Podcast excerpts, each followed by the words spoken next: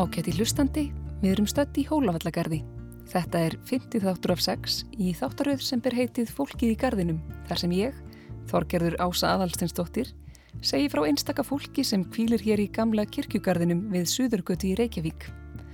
Margir eiga daglega leiðum þannig bráðum 200 ára gamla kirkjugarð, til dæmi stitta sér þar leið í gegn eða koma hingað gaggjur til þess að njóta náttúrunar í þessum friðirsæla reit í borginni.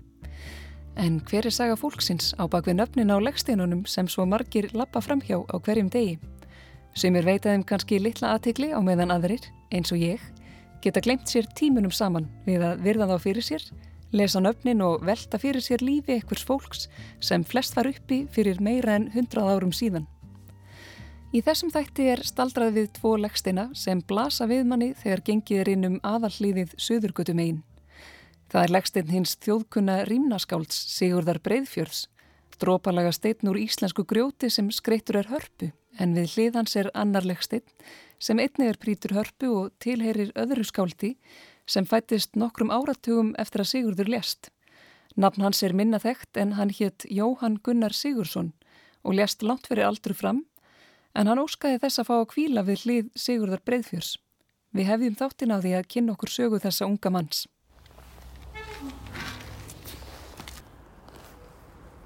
Það er ekki að sjá að þessi steitt sé komin til ára sinna en slípuð framhlýðin er renni slétt og letrið mjög greinilegt.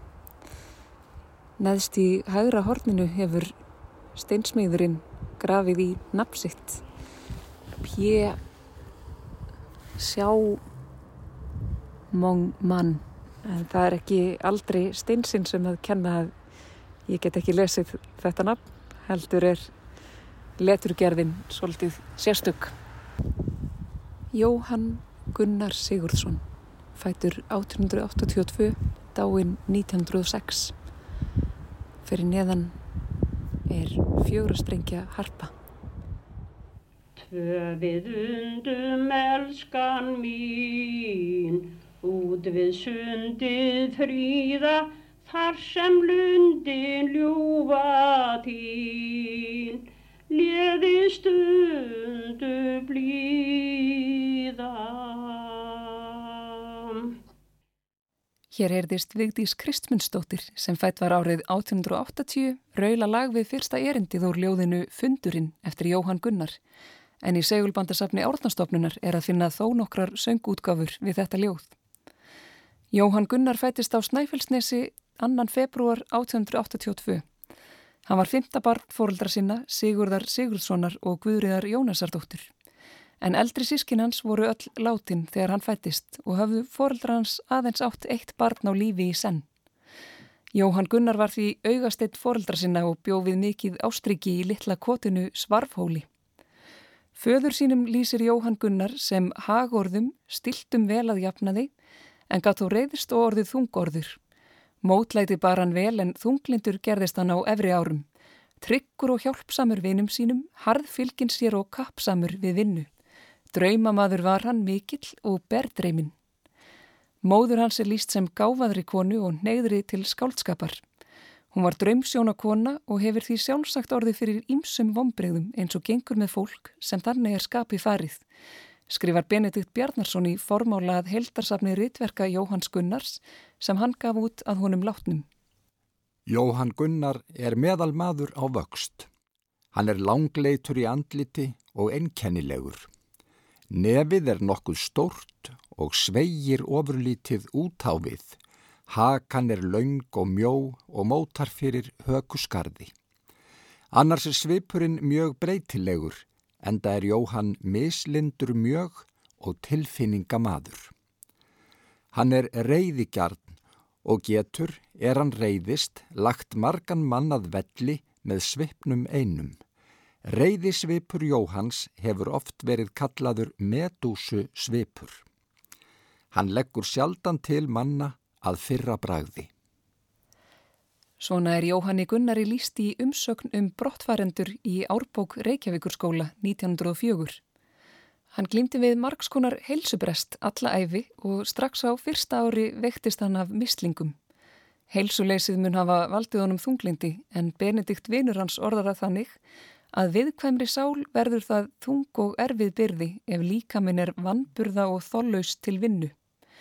Þetta byrtist oft í ljóðum hans en sumir hafa bent á að þau lýsi líka skamdægistunglindi þar sem hann yrkir bæði ástaróð til byrtunar og vorsins sem á hatursljóð til myrkurs og kulda. Sól kemur sunnan, sumar í dali, blóm á lækjar bakka.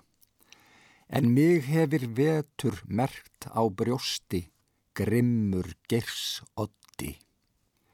Flít þér sunna úr söður vegum, ljós og il mér ljáðu, þristu kossi þínum hlýjum mér á blóðugt brjóst. Jóhann Gunnar drakk í sig allar þær sögur sem hann komst í að lesa og átti sér þann draum að fá að ganga í latínuskólan. En hann var af alþýðu fólki, svo lítil von var um að hann fengi að ganga mentavegin og svo þótti víst fórildrum hans hálfgerð fásinn að láta hann læra þar sem hann var latur við að læra hverið. Fadir hans lest þegar Jóhann Gunnar var 15 ára og lagðist missirinn þungt á hann og ortan um það tregafullt hvæði. En nokkru mánuðum eftir dauða föður síns hjælt Jóhann Gunnar til Stikkisholms í undirbúningsnám hjá Sera Sigurði Gunnarsinni og þreytti síðan intökuprófi í latínuskólan vorið 1898.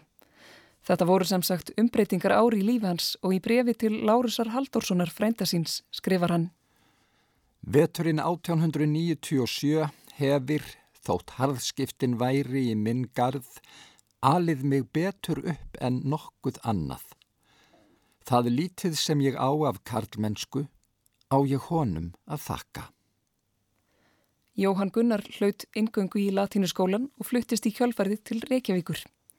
Á sumrin fór hann þó yðurlega vestur og dvaldi þá hjá ættingum, oftast hjá hálfsistur sinni, Þórönnu sem var tíu árum eldri en hann. Þau voru samfæðra en eftir töluvert grúski mantali og Íslendingabók er ekki betra að sjá en að móðir hennar hafi verið yngri sýstir Guðriðar móður Jóhanns Gunnars, en það er önnur saga. Jóhanni sóttist námið í latínuskólanum vel, en það virðist þó hafa valdið honum ákveðnum vonbreyðum og hafa verið tilkomi minna en væntingar hans stóði til. En félagslífið stundaðan og þó hann tranaði sér ekki mikið fram, skrifaði hann mikið í skólablöðin sem nefendur heldu úti á þessum tíma. Þessi blöð nefndust Skinfaxi sem byrti óbundið mál en hitt blæðið hétt Kolbrún og í því byrtust fjölmörg hvæði unga skáldsins. Það var raunar einungis í þessum blöðum sem skrif hans komu út á meðan hann livði. Benedikt vinur hans skrifar að honum látnum að ljóðagerðin hafi ekki verið neinn uppgerð fyrir honum. Það var honum brennandi þörf að yrkja. En misjaflega var hann upplagður að yrkja eins og flest skáld og tilfinningamenn og væri ekkert til að glæða hugan lág allt undir lási hjá honum. Stjórnmála áhugi meðal skólapilta í lærðaskólanum var mikill en það voru þetta mikil umróts ári þjóðmálum. Þetta voru síðustu rektorsár Björns M. Olsen sem átti lengi í miklum útistöðum við nefendur og oft láfið algjöru upplaust. Olsen var fylgismæður Hannesar Hafstein en ímsir nefendur hatramir andstæðingar hans, þeirra á meðal Jóhann Gunnar. Þessir nefndur flyktust í landvarnarflokkin sem var harðlega á móti ríkisráðsetu íslensk ráðherra og þar af leiðandi mjög andvýr Hannesi Hafstinn. Jóhann Gunnar orti nýðvísu um þennan fyrsta ráðherra Íslands sem nefndur hugðust kyrja yfir Hannesi þegar hann kæmi heim með sitt nýja umbóð. Fyrsta erindi vísunar var svo hljóðandi. Við eigum nógan eldin bræður, við Íslands brennur hjarta rót Skörum nú í eldin glæður, svo gjósi logar fjanda mót. Íslands sonur, ættjörð blekkir, oss illa falla danskir hlekkir, vinnum heiftar heit, höstlum víga reit, hötum þennan hund sem hefur danska lund og leggur oss í læðing og leggur oss í læðing. Jóhann Gunnar útskrifaðist úr Reykjavíkur skóla í júni 1904 með fyrstu engun þrátt fyrir að hafa reglulega leið í veikindum alla skólagönguna. En í upplastarleifinu fyrir stúdantsprófið var hann farin að hósta blóði. Hugur hann stemdi út fyrir landsteinana í háskóla með samnefendum sínum en því hafði hann ekki efni á svo hann fór í prestaskólan um haustið. Þann vetur kynntist hann mörgu fólki þar á meðal stúlku úr Þingaersíslu sem var jafnaldra hans og dvaldi þá í fyrsta sinn í höfðustanum. Þetta var unnur Benediktsdóttir frá auðunum í Laxárdal, síðar Bjarklind, betur þekkt sem skáldkonan Hulda. En á þessum tíma byrt hún hvæði sín í tímaritum undir skáldheitinu Hulda og vöktu þau töluverða aðtikli og aðdáun. Helgi Sæmundsson skrifar í formóla að annari útgáfu hvæða og sakna Jóhanns Gunnars sem kom út 1943 að hann hafi orðið fyrir ástarharmi sem reyndist honum und er sárast sveið. Heit með hans brátriðið hann og gekkað eiga annan mann sem ofar var settur í metorðastiga mannfélagsins. Síst skildi henni áfellistómur kveðin.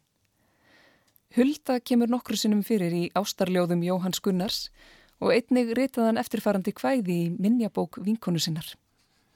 Herði ég í hamrinum, hulda gíu sló. Ljúflingslægið lagaði og dró. Fegin vildi ég heyra þann hljómblíðast lag, því mig sækja leiðindi er líður á dag. Fögur eru löndin fyrir austan sól, Gaman væri að eiga þar atkvarf og skjól. Þegar lengra líður hefur þó Jóhann Gunnar skipt út huldunafninu og í stað þess byrtist valkyrjunafnið Herfur eins og lesa má í ljóðinu Óráð sem við heyrum nú í flutningi Harðar Torfasonar við eigið lag.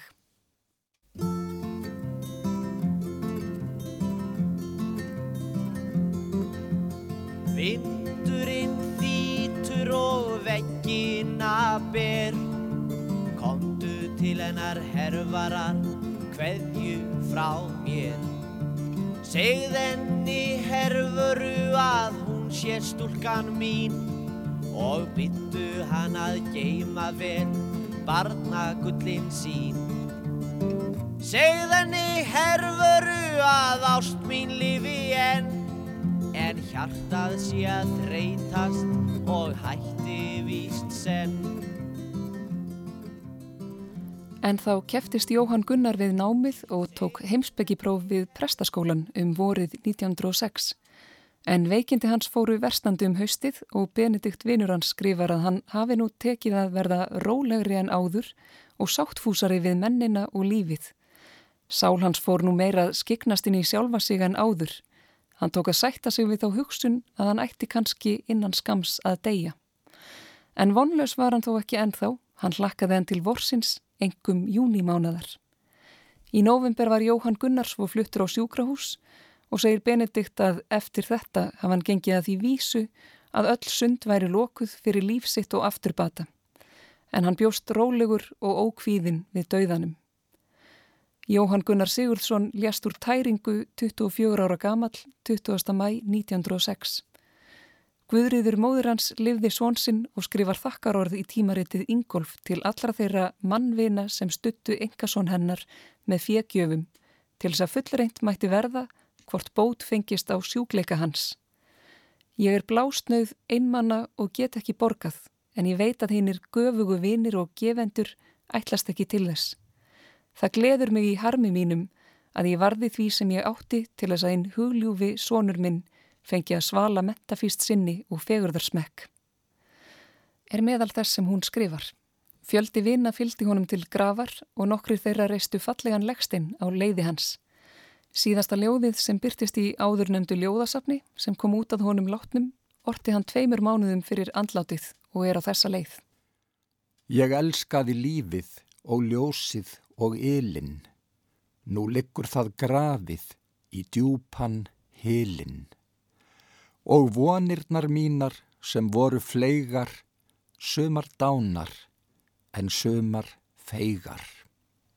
Í dánartilkynningu nýja kirkjublaðsins kemur fram að Jóhann Gunnar Sigursson hafi eftir ósksinni verið greftræður við hlið skáldsins Sigurdar Breiðfjörns. Legsteitt Sigurðar er að vísu ekki lengur yfir gröf hans vegna þess að hún fór undir breykun gangstíks í kirkjugarðinum og var steitnin þá færður til. En víkur nú sögunni að honum.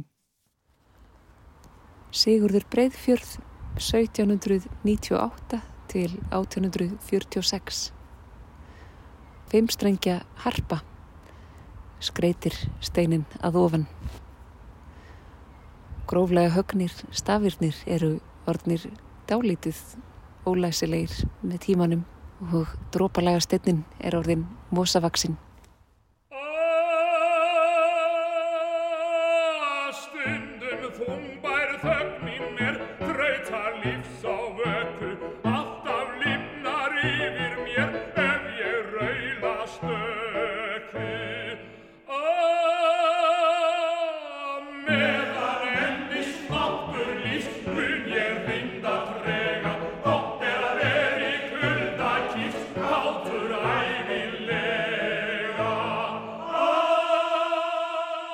Þorger Jóð Andriðsson herðist hér með kallakornum fóstbræðurum flytja brot úr stökum Sigurðar Breiðfjörðs við Íslenskt þjóðlag. Sigurður var fættur í Breiðafjörðaregjum tæpum 100 árum á undan Jóhanni Gunnari. Nánar tiltækið 4. mars 1798 í rifgerðingum eigu í minni Kvampsfjörðar sem liggur inn af Breiðafjörði. Sigurður var næstingstur fjögur að barna hjónana Eirík Sigurssonar og Ingi Bjarkar Bjarnadóttur. Hann var á miklu flakki í aft á fullorins árum sem og í bernsku en foreldrar hans fluttu oft og hann var sitt á hvað hjá þeim eða í fóstri hér og þar. Hann naut ekki mikillar mentunar en namn þó tvo vetur hjá sér að gísla Ólafsinni. Sigurður var námfús en um frekara nám var ekki að ræða sökum fátæktar. En hann hóf snemmað yrkja og var aðeins 11 ára þegar hann orti sínar fyrstu rýmur. Við förum hratt yfir sögu bernsku ára Sigurðar því margt dreif á daga hans á 48 ára æfi sem væri efni í marga þætti. Bóji Benediktsson frændi hans styrt hann 16 ára gamlan til þess að fara í beikisnám í Kaupmannahöfn. En Gísli Konradsson skrifar í æfisugu Sigurðar að honum hafi verið til utanfarar komið því hann þóttu ófullkomin til starfa en hortugur eðlisvitur og ókærin. Sannlega hefur Sigurður komist fyrst í snertingu við áfengi í þessari fyrstu dvöl sinni í Kaupanahöfn en eftir fjögur ára dvöl þar snýr hann aftur heim en án sveinsprófs. Hann kunni þó betur tunnusmíð en flestir menn á Íslandi og fekk vinnu sem beikir á Ísafyrði. Þar var hann næstu fjögur árin en dvaldi líka við og við í Stikkishólmi og orti heilmikið á þeim tíma. Snemma árs 1822 flutti Sigurður til Reykjavíkur og bjóð þá hjá Sigurði Bjarnasinni Sývertsen kaupmanni og mun hafa unnið beikistörf fyrir hann. Sigurður var jafnan döglegur að koma sér í vandræði og á þessum tíma var honum meðal annars kent barn en litlar heimildir eru til um hvort það hafi verið rétt. Á þessum árum kynntist hann líka Gísla Konradsinni sem nefndur var hér á undan og skrifaði síðar æfisugans.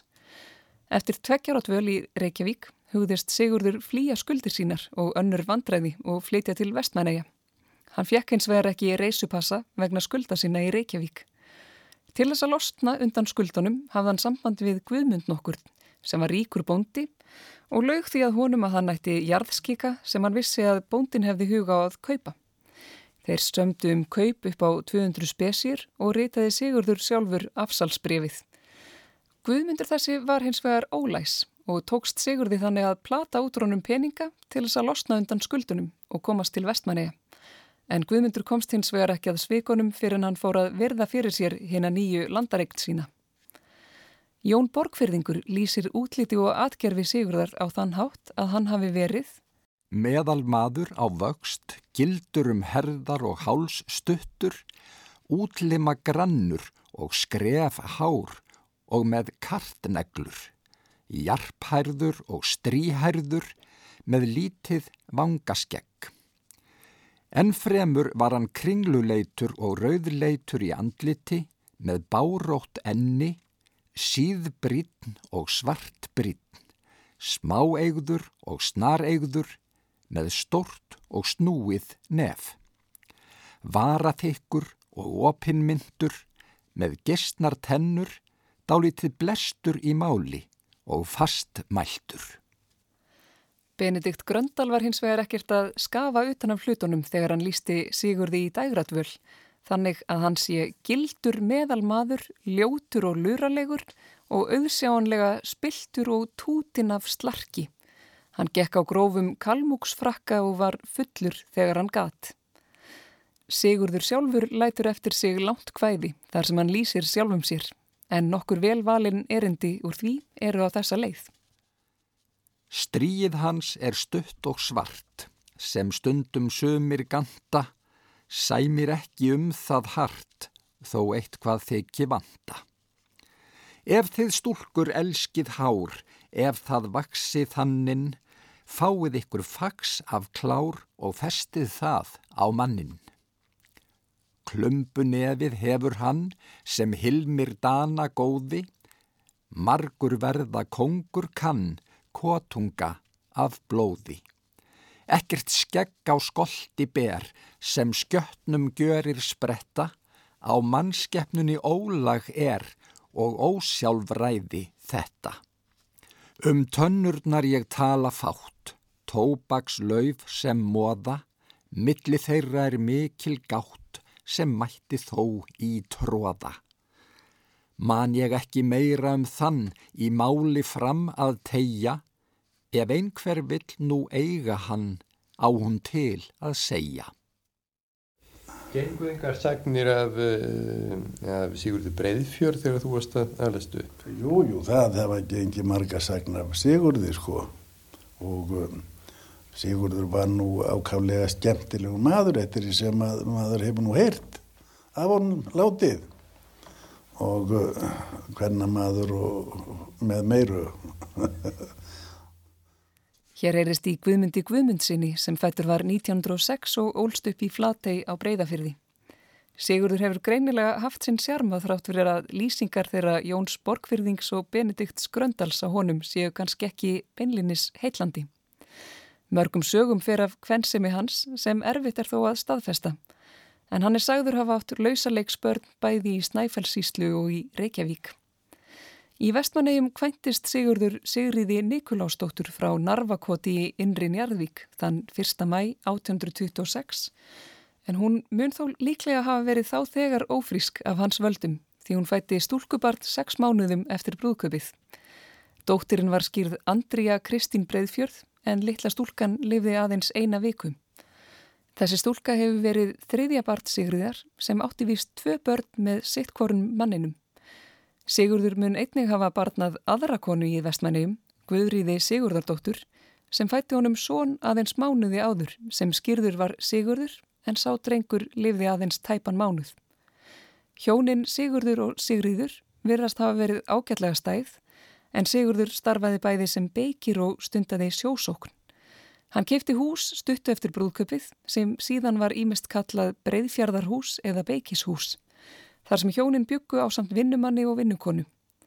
Ímsar sögur eru þó til um að hjónaband þeirra hafi ekki verið gott og að Sigurður hafi verið gintur af Sigriði til ráðahagsins. Þeim sögum skal þó tekið með fyrirvara því líklega eru þær frá Sigurði sjálfum komnar því hann var nokkrum árum síðar dæmtur fyrir tvíkvæni. Eftir fjögur ára búsetu í vestmennum seldi Sigurður hús þeirra hjóna sem og hlut sem hann átti í tíæringi. Að auki seldan ímsa hluti, þar á meðal flestar eigur eiginkonu sinnar, á uppbóði í ágúst 1828. Í lok sama mánadar fór Sigurður frá vestmannum en konan hans varð eftir og tilstóða hún myndi sameinast Sigurði þegar hann hefði fundið þeim samastað. Sigurður fekk þó enga fasta vinnu og var á miklu flakki næstu árin. Á meðan skrifiðust hjónin á og hafa varðvist sex bref frá Sigriði en þrjú frá Sigurði. Smám saman slittnaði upp úr hjónabandi þeirra og Sigriður réðist sem ráðskona til Otta Jónssonar. Þar sem Sigurður hafði jú skilið hana eftir nánast félausa. Með Otta egnaðist Sigriður barn árið 1832 en að hennar sögn hafði hún frétt af andláti Sigurður árið áður og því var ekki um framhjáhald að ræða í hennar huga.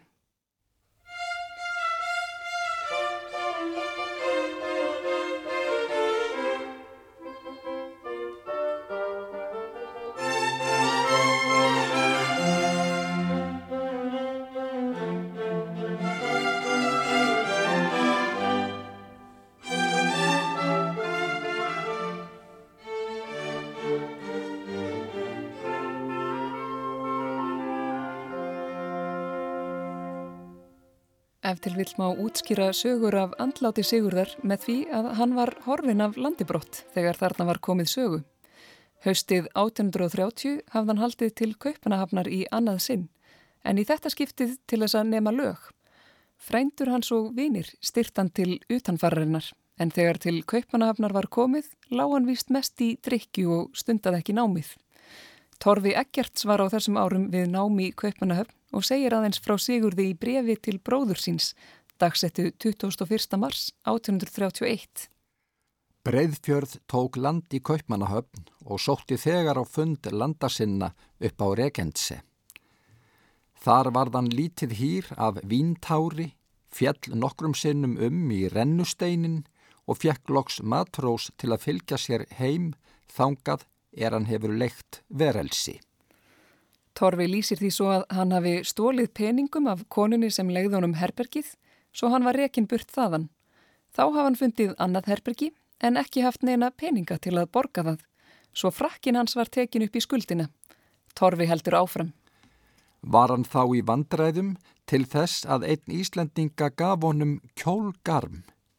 Hér eftir komst hann í slagsmál og komst upp á politikamerat um stund. Síðan er hann komin í þjófnaðarmál sem ég veit ekki enn hver endir á verður. Fyrir skömmu gekk hann til beikistarfa en var rekin burtu frá mestaranum eftir skammat völ fyrir drikkjuskap og slark. Nú hefur hann ásett að fara til Grænlands sem beikir og samgleðjast menn Íslandi að það verði þá um stund og tíma fritt frá svotan landpláu. Strax eftir fyrsta veturinn í Kaupanahöfn hafði Sigurður sem sagt drukkið frá sér allt sitt fjö og þegar hann var orðin peningalös hjálpuðu landar hans honum að fá beikistarfa á Grænlandi.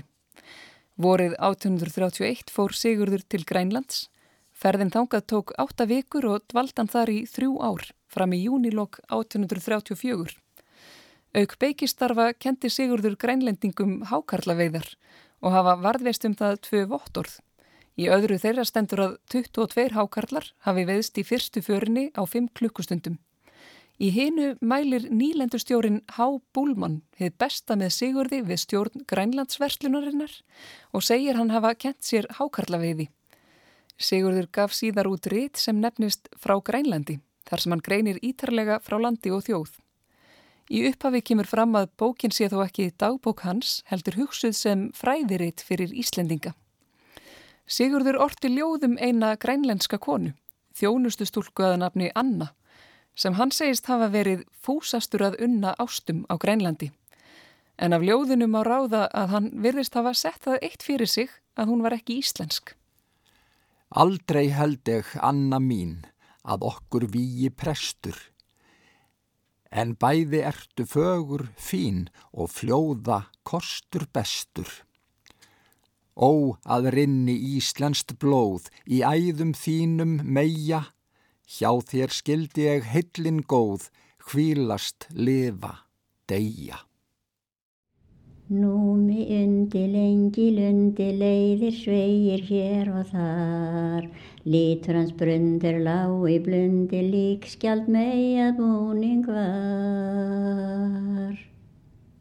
Meðan Sigurður dvaldist á Grænlandi ortan hinnar frægu númarímur sem Björg Stefánsdóttir heyrðist hér fara með eitt í erindi úr en þessa rímur eru meðal þekktustu verka Sigurður. Þær voru gefnar út árið 1835 stutt eftir að Sigurður snýri heim og hlutu þær fádæma góðar viðtökur. En á því var þó allavega ein undantekning því prestur nokkur sér að Jón Ingjaldsson hvað er nýðum númarímur og því svaraði Sigurður með löngu kvæði þar sem segir meðal annars Nýðfulli narrin þinn, neldur við lasta gróm. Skáldháttin skammar minn, skarnlegan þenur góm. Nafn þitt ef kallast klerkur, Kristinn forsmánar kenni dóm.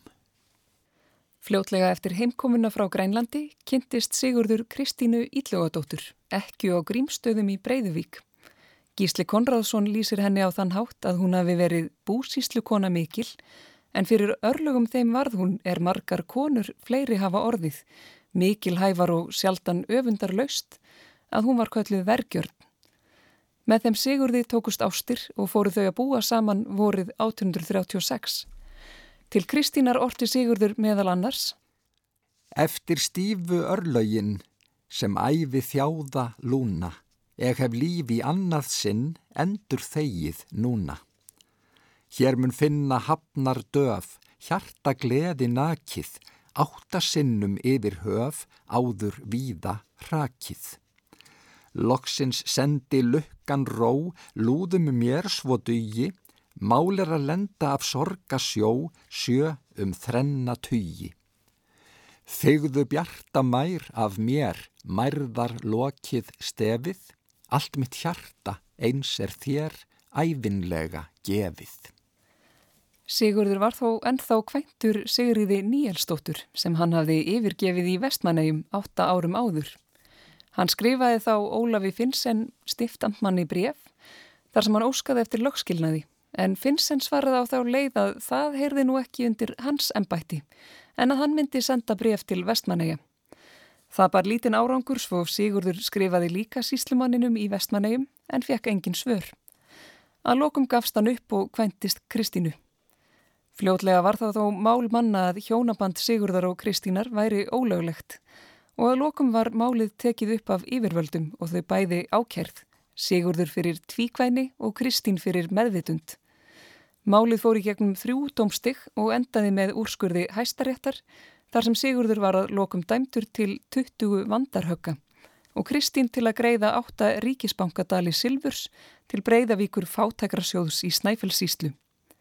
Ári síðar slapp Sigurður þó við líkamsrefsinguna með konungsbrefi En aftur á móti var sekt hans hækkuð svo hann átti að greiða 40 ríkistali, auk málskostnaðar.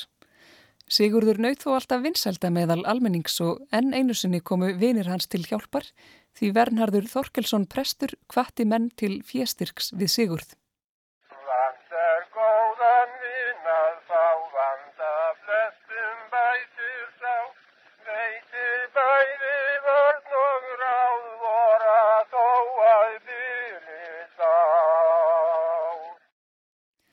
Ekki er vitað hver fór hér með hvæði Sigurðar væntir góðan vin að fá en upptakan er frá 1935. Sigurðar var vinmarkur hvert sem hann fór og naut fólk þess að veri í návist hans og hlusta á hann hveða. Ragnheður Jónsdóttir húsfreyja í kvalátrum kynntist Sigurði þegar hún var barn og lýsir honum sem talandi skáldi. Þegar Sigurður fór með ljóð gerðan það á annan hátt en hún heyrði aðra gera. Röttin, svipurinn og reyfingarnar var allt hannig að henni fundust ljóðin skemmtilegri og skildi miklu betur en ef hún las sjálf og heyrði aðra en hann gera það. Hún fekk vist oft skammir fyrir að gleima sér svo við verkin þegar hún hlustaði á Sigurð. Vínið kvæðin vina ást um vindalandið gríðar þegar gæðin þessi fást þanga græða meinin skást. Um því lík gæðin glýmir þjóð sem getur notað miður, ég með hvæðin flösku og fljóð frá mér bræði allan móð. Helli stundum staupin á og strengi þvinga braga, sveipa mundum gullhrings gná, glöð er lundin begja þá. Málaferlin og fjársektirnar hjöku stórt skarði fjárhag þeirra hjóna sem að öllum líkindum var ekki mjög vætt fyrir. Sem fyrr fóru líka talsverð útgjöldi í brennivínið en Kristján Stjúpssonur Sigurðar var ekki síður öllkær en stjúpin. Gísli Konradsson skrifar að mjög tæmtist þeim breyðfjörð og Kristínu nú fjö og var mestum kent drikkjuskap hans og svo Kristjáns. Því kallaður var hann eðslumadur sem stjúpi hans er afar örlátur var ef hann hafði fjö með á höndum. Kristín Ylluadóttir átti tvo sinni að fyrra hjónabandi, Kristján og Níels, sem Sigurður gekk í föðurstað og bað þá um að taka upp eftirnapsitt sem þeir gerðu. Saman áttu Sigurður og Kristín tvo sinni, sá eldri var alnafni föður síns og fættist 1837 en lest sama ár. Sá yngri fættist tveimur árum síðar og hlaut nafnið Jens Baggesen Sigurðsson Breðfjörð. En Jens Baggesen var mikilsvirt danst skáld sem greinilegt er að Sigurður dáði mjög og gætir áhrifa hans víða í verkum Sigurðar.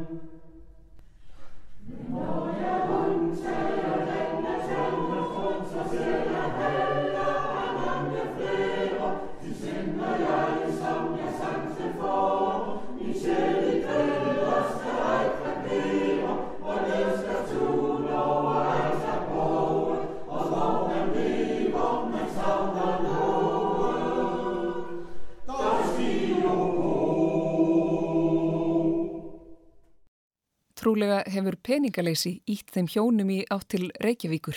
Haustið 1840 settust þau að á Seltjarnanesi en svo vinna sem Sigurði Böðust var þó í Reykjavík og var heldur langt að fara þangað daglega. Í júni 1842 sótt hann um leiði bæjarfókita til þess að setja stæði í Reykjavík í skemmun okkur í grjóta sem hann hafði þest kaup á. Því leiði var sinnjað á þeim forsendum að engin líkindi væri á því að Sigurður geti framflitt sér og fjölskyldu sinni í bænum. En Sigurður hunsaði þennan úrskurð og flutti til Reykjavíkur um haustið. Í oktober 1843 var Sigurður dæmtur til fangelsisvistar fyrir einhvers konar peningabresk en hann hafði skrifað tvær ávísanir á vörur í nafni kunningja sinna, þeim í óþökk. Sigurður baðst undan fangilsisvistinni sökum heilsubrests en því var sinjað vegna þess að hann hafði áður fengið fangilsisvist breytt í sekt en mistekist að sína fram á að hann greitti skuldir sínar. Svo verðist sem Sigurður hafi þegar þarna var komið sögu verið orðin flógaveikur af drikkjuskap en eitt af frákvarfsenginum mikillar áfengistrykju er einmitt flók og er stundum talað um drikkjumanna krampa. Landlegnir taldi þessi köst geta fljótlega dreyið sigur til dauða og það er þið nú til óþæginda ef hann dægi í fangahúsinu. En þrátt fyrir þær aðvaranir var Sigurður látin setja inni í tvær vikur í júni 1845. Sigurður livði fangavistina af en lést ári síðar úr mislingum. Í skýrslu sér að ásmundara Jónssonar prests í Reykjavík segir að hann hafi látist 21. júli 1846 og jarðsettur einungir 60 um síðar. Engin ræða var flutt við útför hans að því talið er, skrifar ásmundur. Kristín ekki hans þurft að setja giftingarhingsinn að veði til að eiga fyrir útförinni, svo hún hafði auðvitað engin ráð á því að reysa eiginmanni sínum nokkurt minningarmark. 20 árum eftir andlátt Sigurðar riði kvöldfélagið bót á því En það félag var hálfgert leinifélag sem hétt upphaflega leikfélag Andans og samanstóð meðal annars af Sigurði Málara, Mattiasi Jokkumsinni og Stengrími Torstinsinni. Mattias skrifar í brefi til Stengríms í mæ 1865. Ljót er fátæktin, það er best ég segja eins og Sigurður Breiðfjörð. Við erum nú nokkrir ungir menn að koma íslenskum steinkökli með nafni hans og hörpumynd á hans hrunda kuml. Síðar sama ár skrifar hann aftur til Steingríms að þeir hafi sett sigga breyðfyrði stein, íslenskan eins og bust í læginu með nafni hans á. Þó lýsing Mattíasar á steininum sé heldur fátækleg er leggstitt Sigurðar Breiðfjörðs merkilegur fyrir sitt leiti því þetta er fyrsti leggstitnin sem reistur var í Hólavallagarði og jafnframt sá fyrsti úr íslensku grjóti. En steinsmiðurinn Sverri Runolfsson átti heiðurinn að handverkinu Og segir Björn T.H. Björnsson, höfundur bókarinnar Minningamörk í Hólavallagarði, steinin í raun frumlegra og kraftmeira verk en margur sá stein í gardinum sem af meiri íþrótt og nostri er högvinn.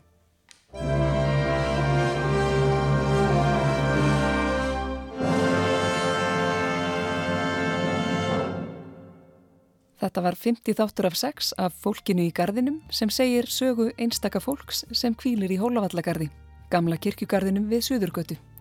Í næsta þætti verður staldraði leiði tvekja merkis kvenna, Þóri Melsteð og Ingi Bjarkar Há Bjarnason.